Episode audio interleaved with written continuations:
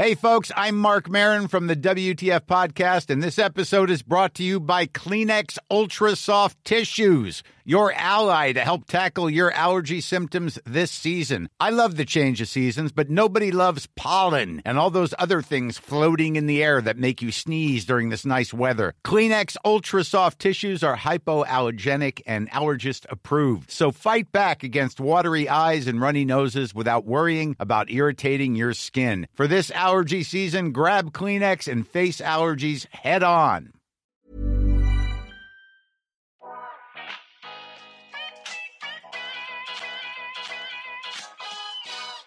Välkommen till En timme med där jag, Sanja Tigeltia, träffar människor som inspirerar mig, som berättar om sina karriärresor, pratar självutveckling och hur de har kommit dit de är idag. I dagens avsnitt så träffar jag Daniel Redgert för andra gången i podden. Daniel startade ju byrån Redgert Koms för några år sedan och det har vuxit sjukt snabbt. Har kontor i Stockholm, London, numera även Berlin och säkerligen många fler inom kort. Man läser rubriker som att intäkterna växte över 100 procent och eh, ja, det har hänt en del sedan han var med senast och jag vill gå in på vad är det som har hänt? Eh, hur ser Daniel på saker och företagande och livet eh, nu jämfört med då? Eh, vad är det som driver honom? Vilka lärdomar har han tagit med sig? Eh, och vad är planerna framåt? Hej! Hej tjejen! Hur mår du? Nej, jag mår så bra så. Du är ju Jag med en mig- andra gång. Är jag den första som är med två gånger? Ja. Wow, vilken ära. ja. Eller nej, det är du och Louise kom jag på. Louise. Louise Lundberg, men hon hade två olika ämnen. Mm. Och du har ju din resa. Samma ständiga trötta Nej. gamla resa. Nej, det är den inte. Det går bra nu. Ja, det går jättebra. Är du för första gången nöjd och lite tillfreds? Alltså, det är ju någonting med att bli äldre. Man, man ehm, känner sig lite lugnare. Ja. Eller jag vet inte om det har med åldern att göra eller att man har känt att man kommit över ett visst stadie. Liksom i mitt fall företagsmässigt. Man känner sig, men nu, nu är det svårt för det att gå åt helvete. Ja. Förstår du? Det känns stabilt. Ja. Och då känns det som att man har en bra plattform att växa ifrån. Um, ja, ja, det är högst osannolikt att hela bolaget skulle gå i konkurs. ja, precis. Typ om ett år. Men det kanske inte var lika självklart när vi pratade sist. Men alltså hur, hur har du gjort att det har blivit så stabilt? Mm. Vi har ganska liksom sunda finanser. Ja. Det är ju liksom det första att vi, vi är ett företag som faktiskt tjänar lite pengar också, vilket är skönt i Mm. svajiga tider framförallt så man vet att man kan betala löner ett tag till. Mm. Sen skulle jag säga att det är att vi har eh, diversifierat verksamheten så det är liksom inte bara det ena eller det andra. Om vi bara hade varit en PR-byrå eller bara en performance marketing-byrå eh, eller bara en influencer marketing eh, agency då hade det varit läskigare eftersom att det kan ju svänga i vad, vad bolagen vill ha och vad de är rädda att betala för.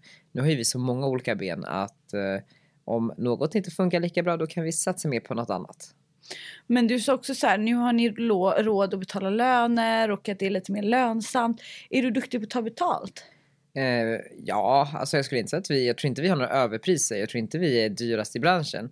Men vi, eh, vi är inte billigast i branschen heller. Så jag tror absolut att vi är bra på att ta betalt. Vi tar ju bättre betalt nu än första året när det var så här, kan vi få tusen kronor så kan vi jobba dag och natt i ett år. Då var vi ju liksom jätteglada för allt, vilket vi fortfarande är. Och en stor del av vår verksamhet är ju så här, korta projekt, um, som kommer in snabbt med bolag som kanske inte har världens bästa finanser eftersom att man är ny på marknaden. Men då kanske vi tror mer på liksom entreprenören och idén och är redo att göra den chansningen i hopp om att det kommer bli så stort som, som vi tror och som entreprenören i fråga tror.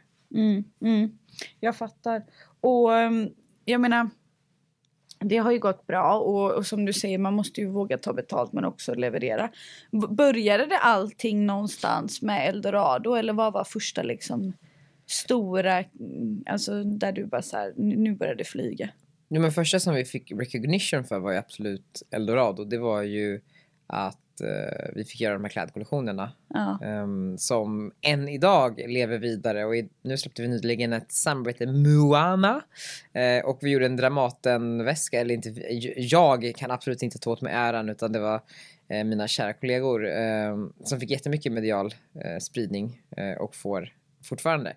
Så, så absolut Eldorado. Det är också ett, var ett välkänt, eller är ett välkänt varumärke.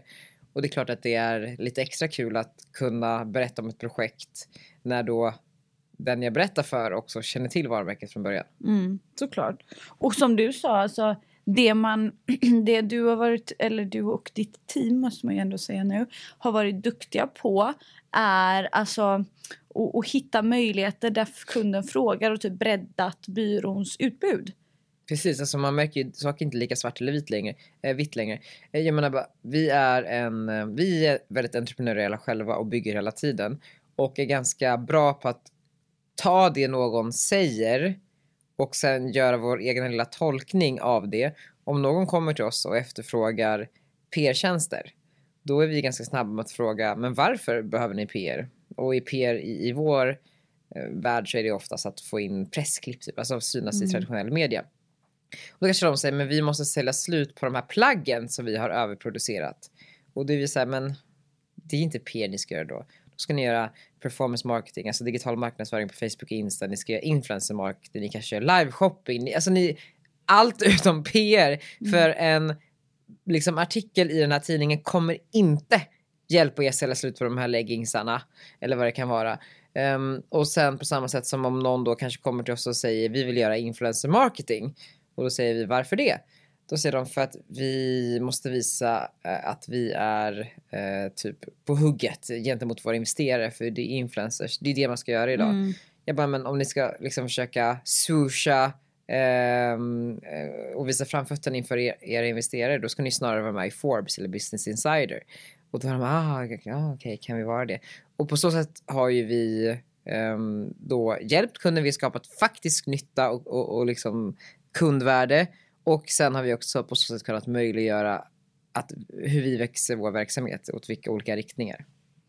Fattar. Och, och det har ni gjort bra. Jag menar du, jag har jobbat med dig både som kund och varit din vän och liksom sett från olika håll och du är ju extremt bra på att hitta möjligheter snabbt. Alltså frågar man dig, menar, har du tips på en person att anställa? Du bara så här, men det kostar.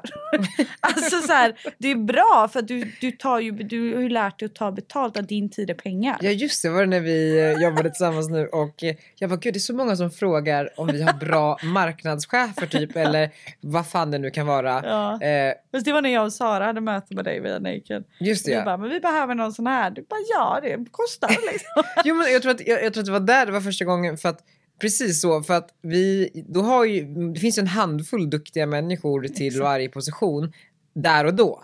Alltså, och det finns många bolag som behöver nyckelkompetensen. Och precis när, jag tror att det var när ni frågade så jag var så här bara, men gud, det är ju faktiskt fem olika företag som frågat om samma person nu. Vem ska jag ge personen till? och då är det ju så här, ja men vem betalar? Alltså Ja. lite så. Och, för då börjar jag tänka på, men en rekryteringsbyrå hade väl tagit betalt? Ja. Och varför kan inte vi vara en rekryteringsbyrå då? För Ja. vi gör ju det. Eh, så, så tror jag att ni inte ville betala i alla fall. Men tror du det är dumt att ha för många ben? Nej, för att, eller så här, det är klart att om benen är för olika att det blir komplext. Om vi ska hålla på och jobba med fastigheter och ah, rekrytering och något annat så är ju det komplext. Jag säger inte att det är omöjligt, men det är komplext. Jag tror att vi har ju på olika, alltså vi har ju olika ben, men det är fortfarande en och samma resa som ett företag är ute på och vi hjälper företaget att fylla i med kompetens där de kanske inte hinner rekrytera själva eller har förmågan eller vill eh, ta ett long term commitment. Så vi kan ju komma in lite här och var när det behövs. Och det är ju också väldigt smart affärsmässigt för det gör ju att ett företag kommer ju alltid ha olika behov men oftast inte samma behov. Vilket gör att om man bara hade varit en av sakerna då hade man kanske haft ett retaineravtal på, på sex månader med en kund och sen så hade de, de behövt någon mer PR. Då hade de gått vidare och letat efter en annan byrå som gör det de behövde, behöver där och då vilket kanske är en contentproduktion. Men då kan ju vi bara, men gud skit i PRen. Men vi gör content och så håller vi kunder då inom företaget. Smart. Och hur håller ni, behåller ni dem? Alltså obviously att göra dem nöjda, såklart. Men är ni väldigt måna om det? Ja, så hygienen är ju att göra alla nöjda såklart, annars så kommer man ingenstans. Men sen tror jag också, alla beställare har ju så jävla mycket att tänka på hela tiden. Det är ju jobbigt att liksom hitta en byrå genom förtroende. Eh, kommer funka, kommer inte funka. Det är ju liksom mycket som rör sig i huvudet. Och om man då har en partner som, som man har betrott och tycker är duktig, eh, då är det ju större sannolikhet att man kommer köra vidare med den än att testa ett oprövat kort. För det kommer ta massa tid och resurser och kan bli fel. Och jag minns att du var ju ganska tidig med att bygga ett drömteam. ehm, liksom så. Du var, för jag minns när du var nystartad och du började anställa ganska snabbt. Och jag minns att det snackades lite bland branschkollegor. Bara, hur har han råd? Det kostar ju så mycket att ha anställda. Ah. Hur, fan, liksom, hur har du vuxit så snabbt? Och hur viktigt har det varit med att hitta rätt anställda? Och hur hittar man dem? Eh, jag tror att när man jobbar med PR, och det vet ju du också, Ja. att så här, man har ju ett ganska rikt socialt liv. Man träffar ju väldigt många människor. Ehm, kunder, bekanta, mm, för detta kollegor och så vidare. Så samlar man ju på sig ett gäng som man vet är bra. Så när tillfälle väl ges, då ska man inte vara rädd att rekrytera dem, även om det kanske inte är att bolaget är tillräckligt moget än. Men då går man ju miste om liksom de bästa personerna. Och med de bästa personerna så kommer oftast business. Ehm, för att vem vill inte använda sig av den bästa IR-konsulten eller PR-konsulten eller performance marketing-personen eller invest... Alltså, man vill ju ha den bästa. Så business kommer ju oftast med, med människorna också. Så, men i början så var det ju absolut några kunder som kanske betalade lite mer än vad de fick tillbaka. Och kanske framförallt, så bästa exemplet är eh, Ashkan Puja som är ena halvan av eh, var en halvan av Serendipity, tror de sålde det, men också en halvan av boken Miljardmakarna som var väl en av våra absolut första kunder och han hade en retainer hos oss för eh, lite PR och den retainern var nog lite för stor för vad han fick. eh, men jag tror innerligt att det var ett sätt för honom att så här, men fan, det är mycket go i den här personen. Jag, jag, jag, jag satsar lite även om det kanske inte kommer få tillbaka det här. Ja. Ehm, så, ja. Lite som att det blev liksom en indirekt in- investering nästan. Mm. Eh, vilket var väldigt schysst och generöst. Det gjorde ju verkligen att vi kunde liksom komma igång ordentligt. Men var drömmen alltid att bli en stor byrå eller vad tänkte du från början? Nej. Och sen så är vi ju ganska små om man ser till hela världen som, Ja. som vi jämför oss med. Fast svensk byrå, eller för, för att vara en svensk byrå, är ni stora här. Ja, men det är vi nog faktiskt. Ehm, För du är ju också orädd att öppna en ny marknad. Det är ju så här, ja men sen vi har känt varandra, du bara så här, men jag ska öppna kontor i London. Jag bara, så, men gud har du ens en kund i London? Du bara, jag ska skaffa en kund i London.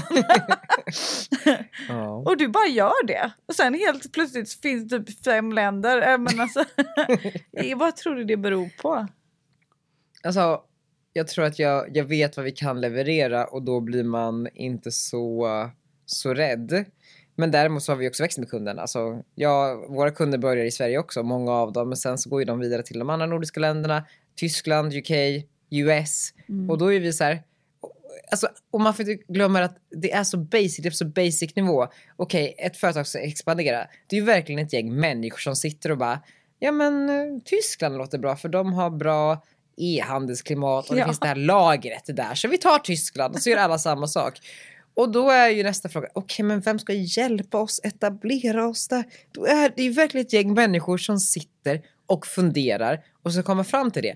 Och om då de har en partner i oss som gör det mesta ganska bra, om vi säger, men vet du vad, vi kan göra det för er i Tyskland också. Det är klart som fan att de kommer välja oss. Ja, och att det blir jävligt bekvämt. Det, precis, för liksom, tid är pengar och folk har inte tid eller liksom, energin eller förmågan eller... Alltså hur ska jag hitta någon i Tyskland? Ja. Det är, så- när jag själv skulle leta runt efter kollegor i Tyskland och i UK, då är man så här...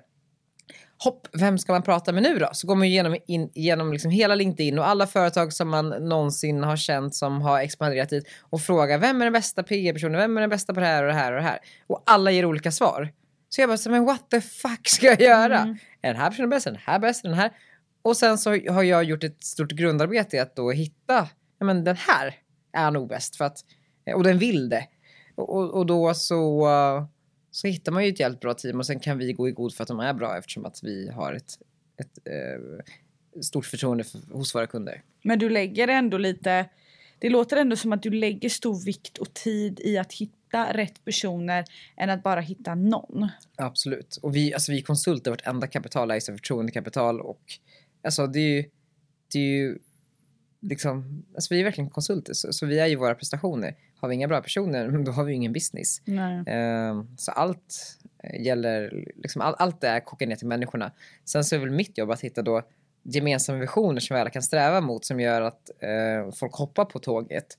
Folk har ju inte hoppat på det här tåget för att vi ska bli en stor byrå i Stockholm. Alltså, Nej. folk har jobbat på det här tåget för att det ska bli ett jävla monster ute i världen.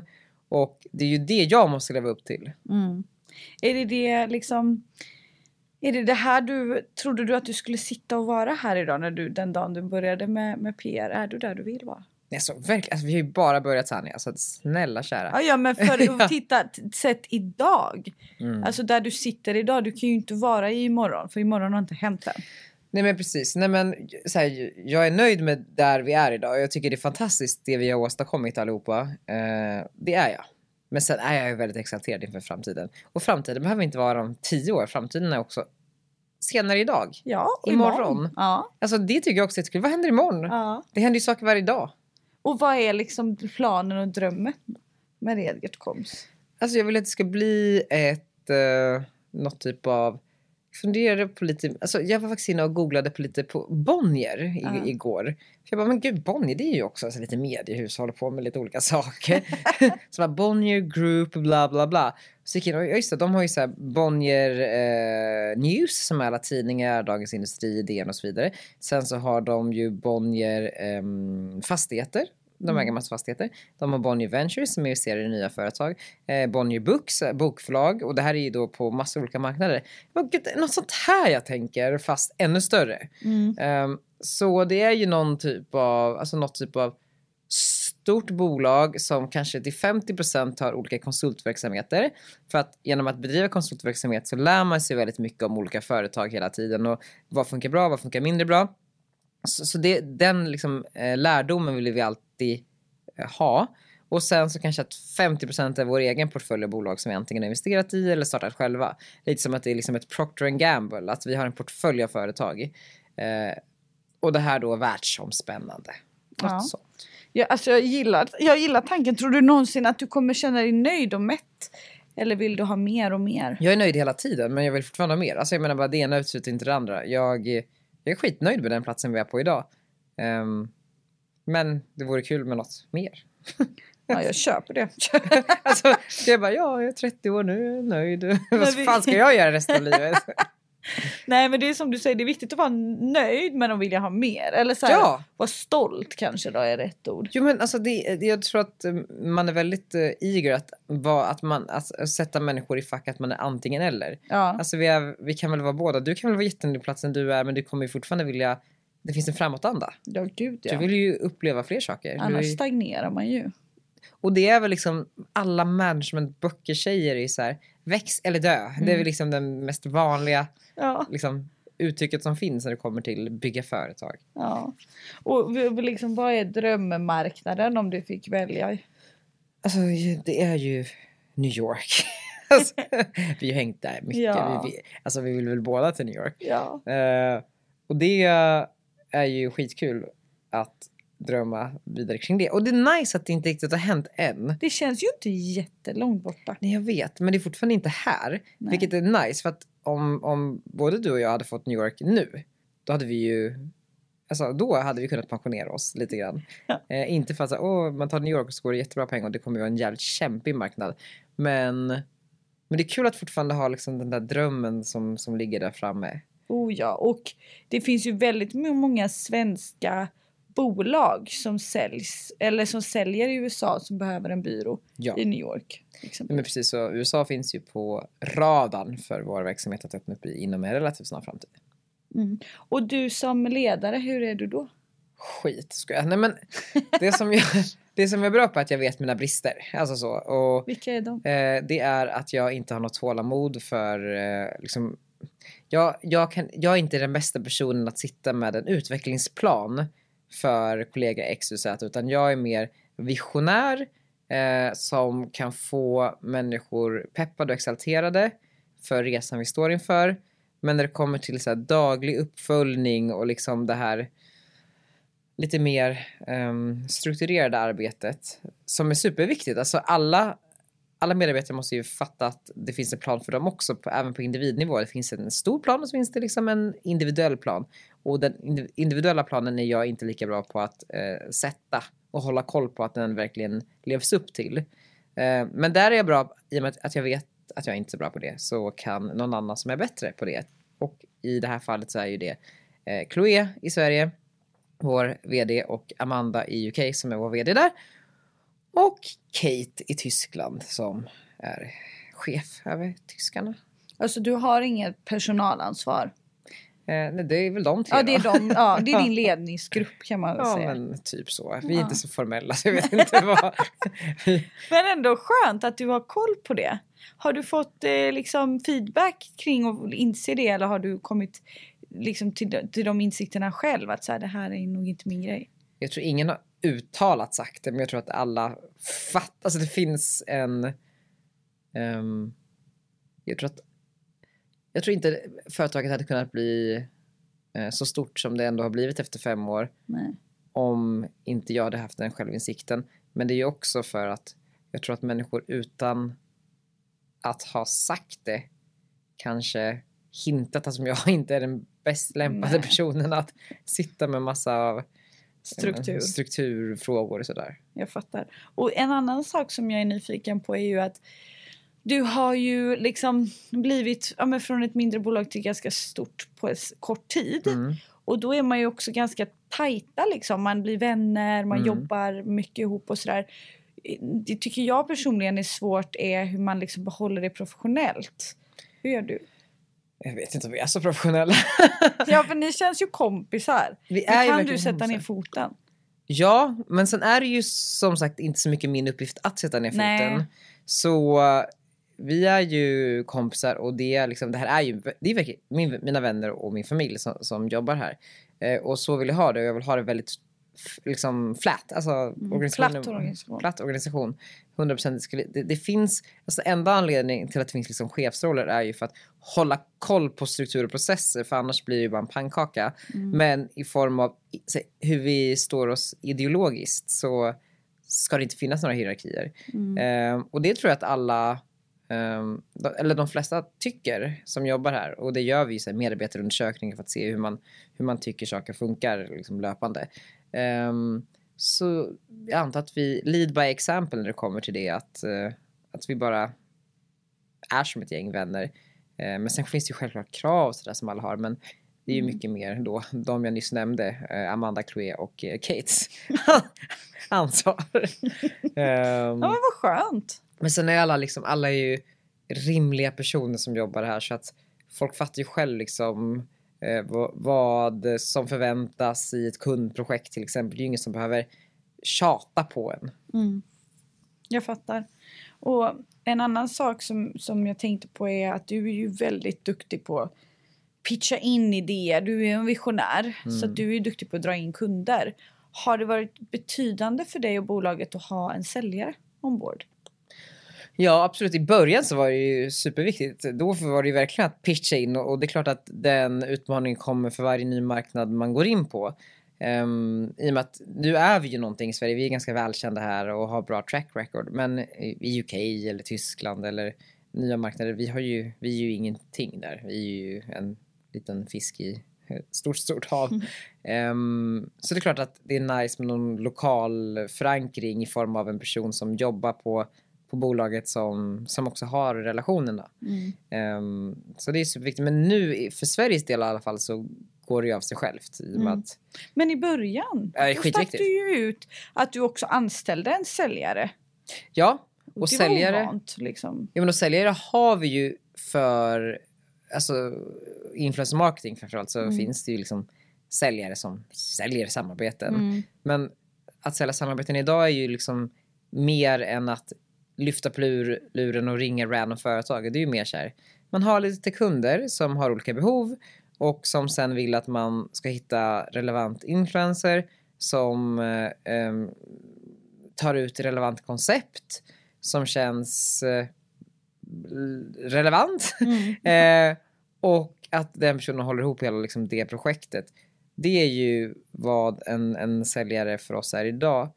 Det vill säga att den ansvarar ju lite mer för att skapa kundnytta Mm. snarare än sälja. Mm. Ehm, vi, är ju, vi tar ju alltid kundens liksom, parti i första rum, ser till Ja. att det blir så bra som möjligt för dem. Och det är ju också därför kunder gillar oss. Och det innebär ju att um, säljaren är mer som en gatekeeper så att det inte blir massa skit som, som bolaget gör. Ehm, Mm. Ja. ja, men jag fattar. Jag fattar. Och jag menar, det har ju inte bara liksom hänt en resa med bolaget utan också mycket dig som person. Vad skulle du säga liksom är största resan med dig som person om man tittar tillbaka fem år och hela PR Dannis och hela den här eran som tog sitt slut till nu. Liksom. vad tycker du? Alltså en jättestor förändring. Det är, eller det är som ett så här, det är väl så det är med alla som har, vi är ju lika gamla, vi är till och med födda samma månad liksom. Men det är väl också det som händer som mest mellan 25 och 30 mognadsmässigt. Mm. Men också att det känns som att du har lugnat dig lite Mm. med liksom hela vill vara känd Ja, gud, ja. fronten och vill bygga bolag istället. Ja, så jag är ju verkligen besatt av att bli känd för några år Men det är väl en mognadsgrej? Ja men också här, om, eh, ja på ett sätt men vad fan jag hade kunnat vilja bli känd nu också. Ja, och det hade ju inte varit några konstigheter för det vill ju väldigt många människor vara. Ehm, Varför slutade du vilja det? Alltså jag tror att jag i ganska ung ålder fick testa lite, lite, lite av ganska många saker. Alltså jag fick en liten, liten försmak på hur det skulle vara att exempelvis vara känd. För att jag typ ledde Idol Extra på TV4 och hade en stor podd Och skrev en bok. och skrev en bok. Och, så, och, och då, fick, då hade man ju när man var ute så kom det fram lite personer och sådär och sa hej. och det var ju skitkul såklart. Men så inser man ganska snabbt att men gud, alltså, så kul var det inte. Det är inte värt det. Eh, att hålla på, lägga ut tusen eh, Instagram-inlägg varje dag och skriva böcker som irriterar människor. För att vadå? Att någon ska ta en bild? Alltså det var inte lika kittlande längre. Nej. Eller som att man har varit i sammanhang där man fått göra så här sjuka, så, åka på kanske en sjuk resa i ganska ung ålder som man bara what the fuck är det här? I form av liksom ställen man åker till och hur man åker och vart man bor och så vidare. Och sen inser man, ja det var ju kul typ en gång och, och då slutar man jakten på att exempelvis bli rik. Då är det Ja. inte heller lika viktigt. Ehm, så när man får testa saker i liten skala så kan man ganska snabbt navigera i vad man faktiskt tycker är kul och inte och vad man vill fortsätta med. Mm. Och i min, för min del, alltså det jag tyckte var kul eh, när man fick testa lite företagande var att så här, jävlar, här har jag möjligheten att skapa en plats där många människor som, som tycker om varandra kan få jobba mm, mot ett och samma mål under ett och samma tak där jag innerligt hoppas att alla mår bra varje dag Ehm, och där man samtidigt får liksom självförverkliga sig själv och sina egna drömmar. Mm. Ehm, det tror jag att jag har gått igång på allra mest. Det finns så mycket potential där ute, så många människor som vill, kan, är kapabla men som kanske inte riktigt fått den möjligheten att, att visa framfötterna tidigare i livet och det är ju alla dem jag vill ta tillvara på. Är det det som driver dig skulle du säga? Jag tror det för att jag har insett att så här, när många bra människor som är liksom lika i den bemärkelsen att de har lite samma eh, ja, men synsätt på livet Mm. möts så kan jävligt bra saker hända. Mm. Och då vill man ju veta hur många människor kan man egentligen sätta ihop? Ja. eh, och, och vad kan det leda till? ja, och det känns ju som att du tar vara på när du väl hittar bra människor. Jag menar, din första anställda Love är ju ett sånt exempel. Mm. Vad har han betytt för resan? Alltså jag tror att, alltså väldigt mycket såklart, det råder inget tvekan om det, men jag tror jag känner på, på senare dagar. Alltså än mer än vad jag kanske initialt trodde. För det är ju dels liksom, jag tror att vi har ju minnen tillsammans som, Mm. som är en grej och jag tror att delade minnen är ju alltid, står ju högre i kurs än saker man kommer ihåg själv. För det Ja. spelar ju ingen roll. Och det finns ju ingen som, som alltså Love och jag har ju väldigt många gemensamma minnen vilket tycker känns jättekul och sätter ju massor av värde på den här resan som, som jag inte hade kunnat haft om vi inte hade jobbat tillsammans. Men sen också bara i form av så DNA, alltså han är ju vår DNA-bärare. Så nu är hans roll, nu vi öppnar ett nytt kontor till exempel, att åka till det landet. I det här fallet ska han åka till Tyskland nu, där vi precis öppnat upp kontor. Ehm, och bara sprida liksom hur vi är. Så här gör vi det, så här Wow. snackar vi. Ehm, den här personen kan ringa för det. Alltså bara sätta kulturen någonstans, en kulturbärare. Mm. Och där är ju han extremt viktig för att han kan väl den bättre än någon skulle jag säga. Ja, gud ja. Fy fan vad roligt att följa. Och jag menar för hans del och få vara med och utvecklas och få den liksom tilliten och ha varit med från dag ett och gjort liksom i princip allt. Ja, 100% allt. Till att åka till nya marknader nu och liksom vara kulturbärare. Han är grym. Alltså jävlar. Love. Men Love, man blir typ böl. Visst blir man det? Ja, man blir verkligen. Jag, jag har ju försökt sno honom flera gånger. Men han är lojal också. Va? Det, jag visste faktiskt inte att du hade gjort Jo, det. till hästens någon gång. Jag bara snälla kom till Det var innan jag hittade min Julia men Ja. hon har lämnat mig nu. Nej men eh, jag är också lite så här, bara vill höra lite så här på djupet av dig vad så här, hur du tänker på dina lärdomar av allting. Är det några insikter du vet nu när du ändå blivit 30 där du bara så här jag har lärt mig av det här, jag hade ju önskat att jag hade gjort det här annorlunda. Mm. Ehm, jag tror att jag önskar att jag ehm, hade, att jag hade kunnat vila i att saker tar tid lite tidigare. Jag var så jävla hetsig i början och det är jag fortfarande.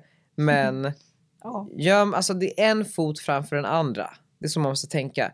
Jag gör det bästa jag kan här och nu. Jag gör det bästa liksom, om en timme. Jag gör det bästa imorgon. Och om jag håller den principen hela tiden så kommer det gå framåt. Även om det kan vara liksom minor bumps liksom på vägen så går den stora liksom linjen, eller vad man ska säga, den går uppåt. Eh, och om man kan vila i det så mår man ju bättre. Eh, man känner inte en lika stor press inför, inför framtiden. Så att vara lite mer, liksom, eller så här, jag har alltid varit här och nu, men att eh, vila i att gör bara ditt bästa, det är det enda du kan. Och sen också skaffa lite principer tidigare, så här, så här, varför, eller så här, um, varje dag ställs man inför massor av beslut som ska tas och um, olika situationer som man då ska involvera sig i. Men då har jag också nu kommit överfund med att så här, om det här inte är en sak som kommer hjälpa den stora resan. Alltså om jag lägger mig i det här projektet eller det här mejlslingan eller den här dialogen som jag tror kanske fortgår bättre utan mig Mm. så ska jag inte lägga mig där för det kommer inte hjälpa liksom, the greater good någonstans.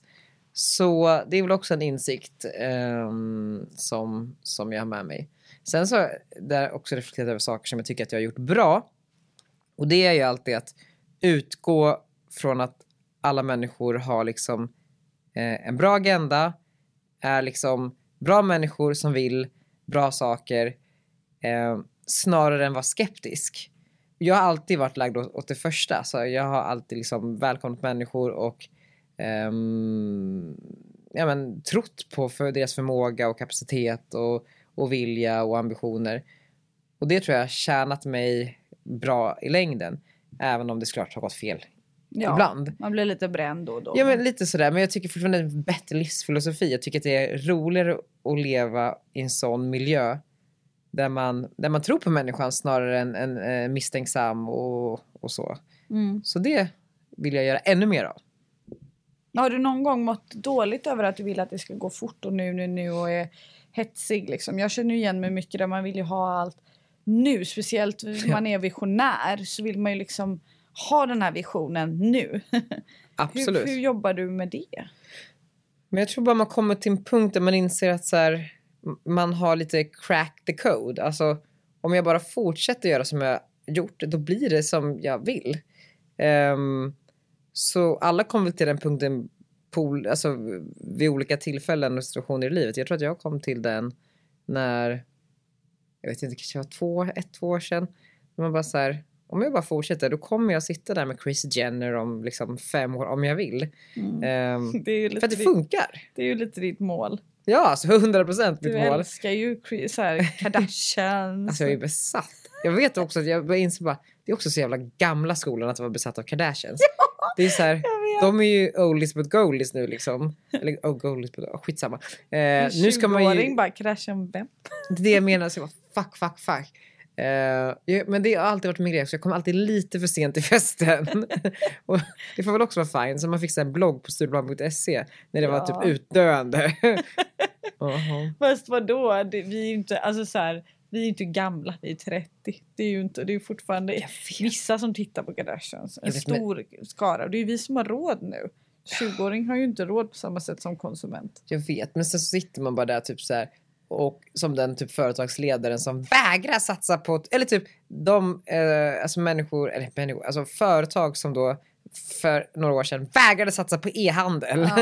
Man bara, ja idag så kanske inte det är toppen. För, och du vet, om jag är då någon gammal hagga som bara bryr mig om Kardashians för att TV, det är det modernaste som finns. Då är jag ju lite ute och cyklar. Men jag tror ändå att Men man, du drivs lite av Hollywoodfruar. Du tycker det är kul. det har alltid varit min grej. Jag vet. Det är det som är så skönt. Vi har liksom aldrig konkurrerat där. Men vad är din grej då? Vilka är liksom dina drömpersoner? ja, men jag gillar ju liksom Ja, men jag gillar ju lite så här premium lyxvarumärken så men inga, inga Hollywoodfruar på det sättet. Nej. Utan då får det gärna vara liksom karriäristfrun som slirar om. Alltså Men du vet så. Var det du som visade mig Martha Stewarts liksom PR-kvinna? Ja, det är ju din är jag. go. Vad är det hon heter nu igen? eh, Magrino. Magrino Eh, PR ja, och sen ja. heter hon eh, på Insta om man vill eh, kolla. Men det är, det är rikt, någon riktig så här, upper east side hagga Ja. som lägger upp bilder varje dag när hon kliver ut från sin lägenhet i olika outfits. Och så, s- alltså det är det sjukaste jag har sett. Gud, men det går ju bra för dem. ja. Vad gjorde hon när Martha Stewart satt i fängelset då? Ja, då var hon ju inte hennes PR. kom ju sen with the fame. Men det är också hennes bästis, eller hur? Ja, ja, ja. De Alltså man vill ju så gärna ha ett varumärke som kontaktar med Green och PR för att se vad de kan göra för en. Ja, men jag jobbade ju med dem Gjorde du? Ja. Hur gick det till och vad gjorde man liksom? Nej men alltså de var ju assköna. Jag jobbade ju med dem i tre år. Hur många var de? Det var en jättestor byrå. var de? Ja! Det gick ju sjukt bra för dem. Men vad, och vad gjorde ni typ med dem? De, gjorde de så här, de fick in i Press. olika tidningar och Ja så? med pressbearbetning och du vet så det var ganska tråkigt. Event var ju ingen höjdare. Det var Inte. ju då jag alltid var missnöjd och Jan ville ha Rihanna till kunde Men de vilka inte fick de till vänster då? Nej men de fick inte så många. De ville ha jättemega betalt. Så det var ju då Camilla Olsson kom in i bilden. Jag bara hej Camilla! Men hon, lyckades hon? Jag kommer inte ihåg Ja hon ja lyckades. hon lyckades varje gång. Hon ville inte ens ha betalt. Camilla Olsson för alla som inte vet är ju ja, eh, New York socialite-kvinna som du och jag känner. Ja, Som otrolig person. känner alla, alltså allt i hela världen. Och så generös. Så generös. Med sin tid och kontakter. Jag vill att hon ska bli liksom VD för Erik Holms New York. Det kommer hon typ inte göra. Nej, Hon bara, jag vill inte. jobba. Nej, hon vill inte. Hon vill bara sitta där på en restaurang med typ så här, olika människor. Och ingen fattar hur det går runt liksom.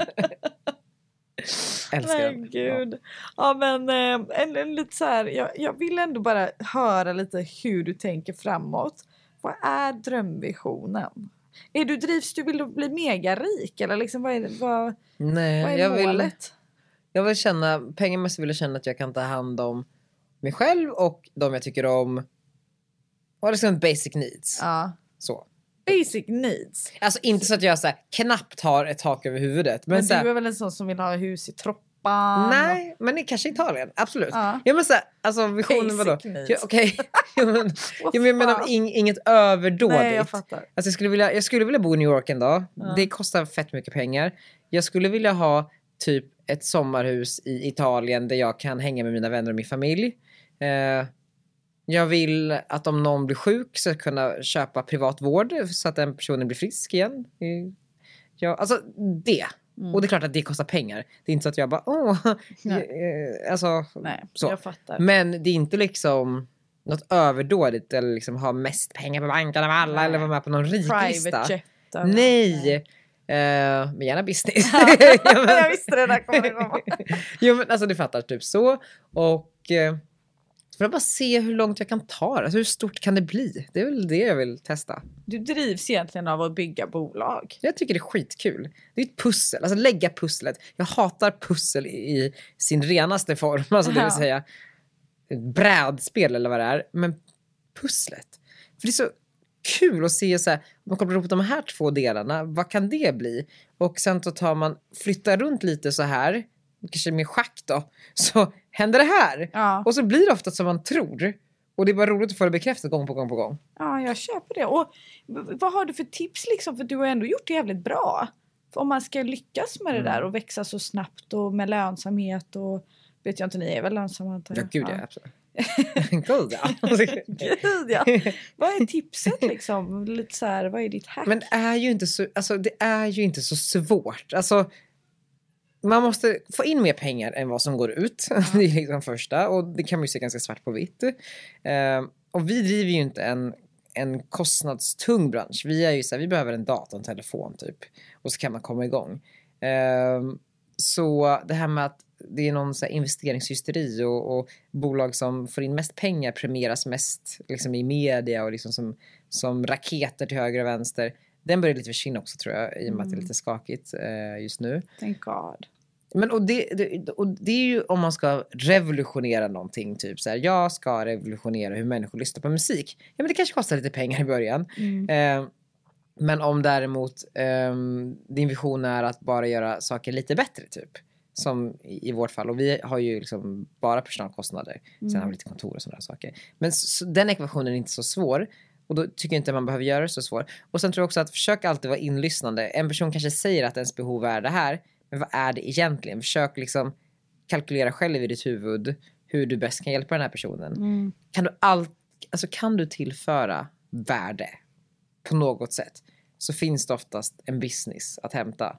Ehm, så, så försök identifiera vart du kan skapa värde och sen starta en business inom det. Typ så. Nice, bra tips. Jag tog till mig. och vad, vad, men du är ju bra på alltså, det, alltså, också det sociala, eh, eventiga, få saker att hända. Jo, men man ska ju skala upp, eller man vill ju göra en business av det. Jo, det men det, då vill bara titta människor som är som dig typ. Ja, men det min styrka är ju kanske inte att göra business av saker. Utan jag är bara så här, känner folk och tycker det är kul. Camilla Olsson här. Ja, du är jättebra på, du är också väldigt liksom strategisk, alltså på ett bra sätt. Alltså att du eh, också lägger typ såhär, du kanske träffar någon för typ några år sedan så lägger du liksom den personen i din minnesbank och sen när Ah. du hittar en möjlighet för er två att samarbeta då tar du den. Alltså, Ja, då kanske jag plockar fram den. Du har rätt, men jag tog till mig. Jag ska nog klura lite på min framtid här nu. Vem hade du velat höra i podden som gäst? Åh gud, det är så svårt. Det Någon finns så många inspirerar dig. människor. Jo, jag vet exakt. Vem? Min idol, Vem? Erik Vilken Erik? Torstensson. Jaha, ja. Kan du lösa honom eller? Alltså, Det är ju typ ingen som vet vem han är. Det är så jävla sjukt. Ja. Alltså för att han är ju otroligt cool. Ja. Han är cool. Det var du som introducerade, eller visade mig honom. Alltså, han har liksom grundat Saturday Group som är liksom stort reklamnätverk med kontor över hela världen och som har sålde sen till Omnicom som är ett stort mediebolag. Sen Frame Denim, alltså ett jeansbolag, alltså omsätter miljarder. Sen liksom founding partners i Good American med Khloe Kardashian, Skims med Kim Kardashian. Oj, Alltså- han är med där. Men snälla, fattar du? Wow. Det här är det sjukaste. Och jag bara så här, men han har ju varit på omslaget av The Weeknd och liksom. Men de är ju framförallt internationella. Ja, Det är det. lite större De skiter ju i. Sverige. Ja. Skönt. Visst. Jag ska läsa honom. Bra. Du vet att jag inte ger mig. Nej, det är skitbra. jo, men vadå? Jag vet också att han kanske vill göra lite mer svensk Svensk, press. Ja, jag ska höra av mig. Det kanske är perfekt läge. Mm. Tusen tack för att du ville vara med. Tack för att jag fick vara med. Andra gången till och med. Puss. Skulle jag säga. Om ni gillar podden så får ni hemskt gärna dela den här med era vänner. Men också gå in och prenumerera och jättegärna lägga en liten kommentar. Det hade gjort mig så otroligt glad.